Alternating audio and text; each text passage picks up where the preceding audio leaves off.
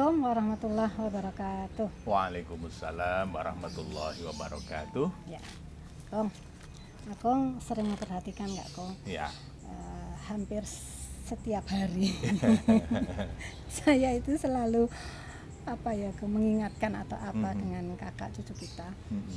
Saya selalu bilang gini, kak ini sudah jam sekian, ya jangan main terus. Ya. Ingat tugasmu sekolah, Sekolah, tugas iya. sekolah, ya, itu hampir setiap hari. ya, Boleh nggak Kong? Salah nggak ya? Hmm. Eh, ya. Itu yang namanya negosiasi kan. Hmm. Nenek, tulan uti orangnya tertib kan maunya semuanya tertata. Ada jam-jam tertentu harus diikuti. Nah sementara anak masih kelas 4 SD kan Bermain. usia bermain. Jadi tentu kalau bermain dia asik sekali. Nah maka dua aspirasi yang berbeda ini kan sebetulnya tidak ketemu. Mm-mm. Tapi kemudian dengan negosiasi, dengan rembukan ini bisa ditemukan. Kadang kan kakak bilang, bentar ti, bentar ti, ini kurang satu step lagi saya. Oke, kan Uti juga menerima kan? Videonya belum selesai. Nah, tahu ini videonya belum selesai sebentar lagi, kurang lima menit misalnya. Ini ini proses yang disebut dengan negosiasi dalam bahasa sederhana ya rembukan. Mm-mm. Nah, keterampilan negosiasi yang seperti ini, ini adalah keterampilan yang harus dilatih, yang harus dikembangkan oleh kedua belah pihak. Mm.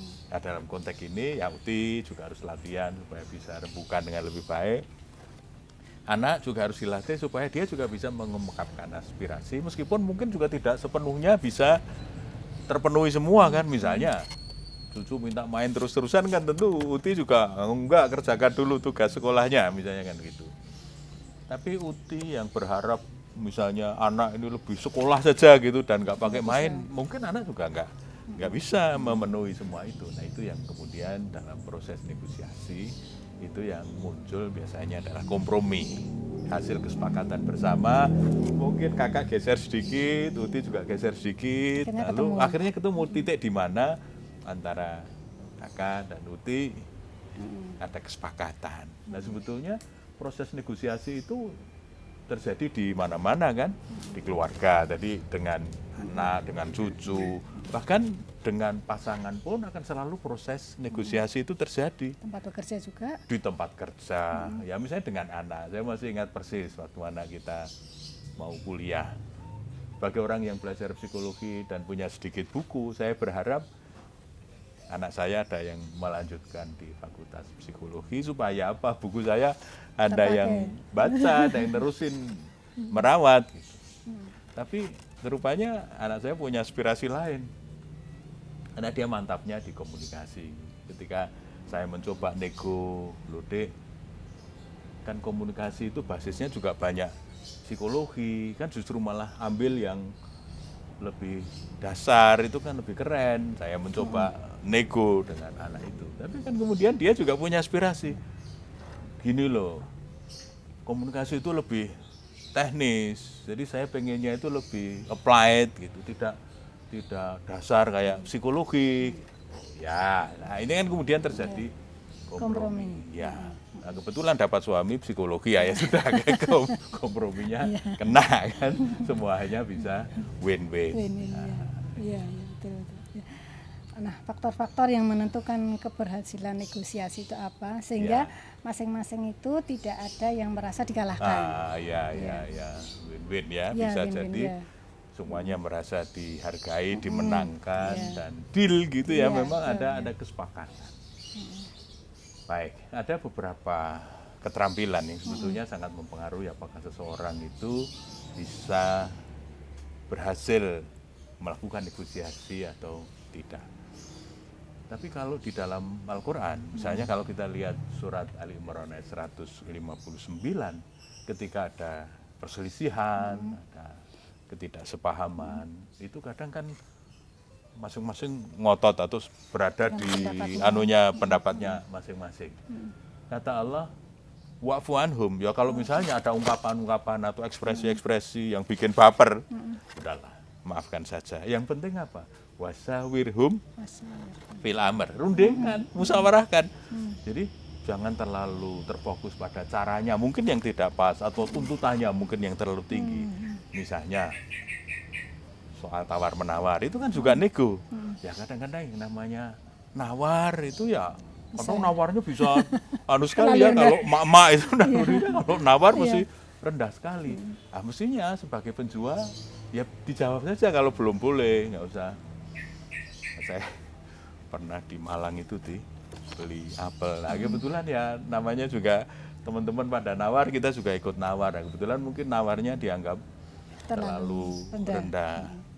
Nah, itu malah yang jual itu mbok-mbok itu jawabnya, "Mas, kalau segitu itu dengan yang jual." Ya. nah, kebetulan yang yang jual mbok-mbok gitu. Enggak enggak dilanjutkan diskusinya. Tapi kan itu ekspresi sebetulnya dia bergurau tapi juga jengah gitu ya kenapa ini eh, pembelinya menawarnya terlalu rendah.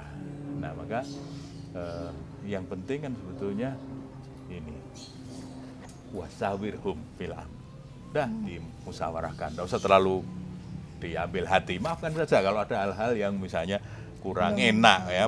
mungkin belum cocok, ya itu yang kemudian kita komunikasikan. Maka faktor yang pertama itu keterampilan berkomunikasi. Jadi kalau mau jadi negosiator yang baik, itu Harus harus terampil ya. terampil berkomunikasi, mengungkapkan pikiran, gagasan, perasaan dengan jelas supaya tidak justru menimbulkan miskomunikasi kan. Ini sebetulnya maksudnya, Maksudnya apa? apa? Iya. Ambigu. Nah, karena komunikasinya ambigu.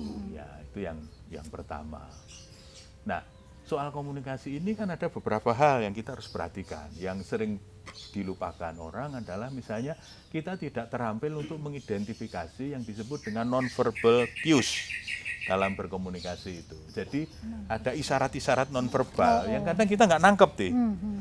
Hmm, hmm, hmm. Kita hanya nangkep dari kata-kata yang dikatakan saja. Iya, iya. Ya, ekspresinya Ekspresinya nggak ditangkap misalnya, atau cara menggerakkan jarinya nggak diperhatikan. Itu sebetulnya boleh atau tidak boleh. Nah, pernah ini sih ini cerita soal nonverbal cues.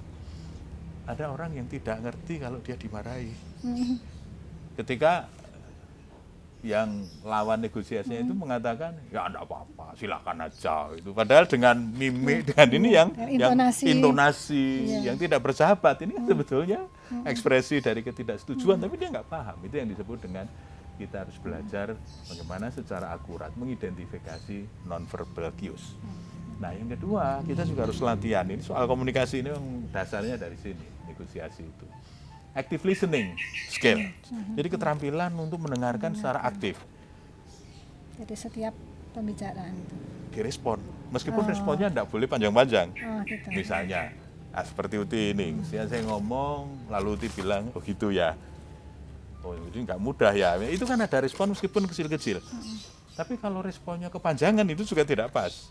Tapi sama sekali tidak merespon itu juga kadang-kadang kalau kita telepon yang di sana tidak tidak ada s- komentar apa pun kan kita halo halo halo halo. Karena merasa Dikiranya- tidak didengarkan iya, dikiranya. bisa jadi tidak off didengarkan. iya iya. Makanya itu yang disebut dengan active listening skill ini soal komunikasi penting sekali. Yang ketiga dalam soal komunikasi itu yang disebut dengan clear communication. Kita harus latihan agar kalau berkomunikasi itu Jelas. jelas, jangan bulat gitu ya. Kadang-kadang kan saking pengen halus, saking pengen ini sana kemari sebetulnya mau ngomong apa kan. Ini mau nawar apa mau dongeng ya, ini misalnya gitu ya. Maka yang disebut dengan clear communication itu penting. Ini satu dalam faktor pertama komunikasi. Nanti faktor yang kedua persuasi. Persuasi itu sebetulnya juga dekat dengan keterampilan komunikasi. Ini keterampilan membujuk, keterampilan untuk apa ya? Ya, ya membujuk, mempengaruhi, Mempengaruhi. ya mempengaruhi. Misalnya dia pasang harga sekian. Nah, kita kan mau nawar yang di bawahnya. Ya, bagaimana caranya mempengaruhi supaya dia mau menurunkan? Misalnya, kemudian kita bilang, baik, anda akan menawarkan harga sekian. Saya tadi menawar misalnya separuh harga. Ya saya naikkan 10%. Nah tapi kan saya sudah naikkan, maksud Anda nggak turun. Nah ini kan ket- keterampilan untuk membujuk. Bagaimana supaya makin lama itu kesenjangan antara aspirasi pihak pertama dengan aspirasi pihak kedua itu makin lama makin ketemu, makin dekat. Karena kita mau cari kompromi yang disepakati kan. Nah ini soal kemampuan persuasi. Nah, yang ketiga itu soal kemampuan untuk planning, untuk merencanakan. Ya semua kan harus direncanakan. Kalau kita mau nego harus direncanakan. Ini nanti saya mau ngomong apa, gitu. kira-kira dealnya di harga Oh, berapa, saya mau kasih komitmen apa, itu semua harus direncanakan. Jangan kemudian waktu kita nego Kita lalu ada punya. perubahan kita belum punya gambaran apa pun tentang rencana yang harus kita diskusikan. Hmm, Nah, yang keempat yang disebut dengan memilih strategi. Jadi strateginya harus disiapkan banyak supaya nanti kalau lawan itu ada perubahan strategi, Kita punya ah, kita punya jurus lain gitu untuk juga menangkap plan atau B, menanggapi gitu ya. ada plan A, plan B, mungkin juga plan C. Ya, jadi ada Iya. ada strategi yang tidak cuma satu. Mungkin itu. tuh. Ya. Mas cara meningkatkan keterampilan negosiasi itu iya, apa iya. saja, Kong? Ah, ah. Kan tidak semua orang itu langsung terampil ya, Iya. karena sebuah keterampilan kan harus dilatih. Dilatih, ya. Ada banyak cara untuk melatih keterampilan negosiasi. Tapi yang pertama kita harus belajar untuk mengidentifikasi final goal kita itu apa. Jadi kalau mau nego, kita harus Tujuannya itu apa? tujuannya kita mau deal kira-kira di angka Iya. berapa. Jangan misalnya kita tidak punya uang segitu, tapi kita berani nawar, loh itu nanti yang buat bayar apa, misalnya gitu ya. Itu final goalnya. Ya kalau memang nggak bisa ya nggak deal kan? Ya nggak apa-apa. Namanya juga nego. Kalau memang nggak bisa dikompromikan harganya dia tetap di harga yang kita tidak bisa menjangkaunya berhenti, ya ya. sudah berhenti. Jangan memaksakan diri. Itu yang pertama. Yang kedua yang disebut dengan latihan untuk building rapport. Maksudnya building rapport itu membangun kedekatan dengan orang lain, Hmm. orang yang mau kita ajak nego. Karena kalau yang kita ajak nego itu sudah merasa dekat dengan kita, dia mau pasang harga tinggi-tinggi, mau enak ya? pasang aspirasi yang tinggi-tinggi kan nggak enak Ung, sama teman sendiri, sama saudara sendiri, kerabat sendiri, mosok mau gapnya mau dibikin sedemikian rupa. Kan kadang ada yang problemnya begini toh dengan orang lain ini harganya segini, Bu. tapi kalau Dengan teman, ibu, ya. wah ini karena udah teman sendiri ya udah segini aja boleh. Nah ini salah satu keuntungannya kalau kita eh, punya keterampilan untuk selalu dekat dengan siapa pun. Nah, ini harus dilatih. Bagaimana kalau ada orang yang bersahabat dengan kita itu harus merasa dekat. Ini ini penting supaya nanti kalau kita perlu apa-apa itu karena sudah merasa dekat jadi enak sekali. Nah yang ketiga kita juga harus punya niat untuk mau berkompromi. Jadi be willing to compromise. Jangan mau nego, pokoknya segini ya nggak jadi. Namanya juga nego, ya mesti ada ada niatan untuk kompromi. Oke, nanti saya mau mulai dari set sekian dulu, posisinya ah, nanti bisa turun, turun, turun. Ya begitu. Tapi harus ada niat, ada keinginan untuk mau kompromi. Nah, yang keempat, waktu itu terbatas. Maka kalau nego, kita harus membiasakan diri, misalnya nanti akan kita selesaikan dalam satu jam. Jadi kalau udah satu jam misalnya, ya sudah oke. Kalau belum deal untuk hari ini cukup sampai sekian dulu.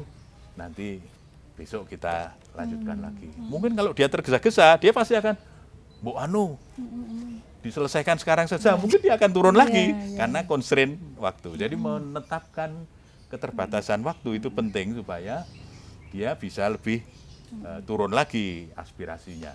Ya. Ini soal time restriction.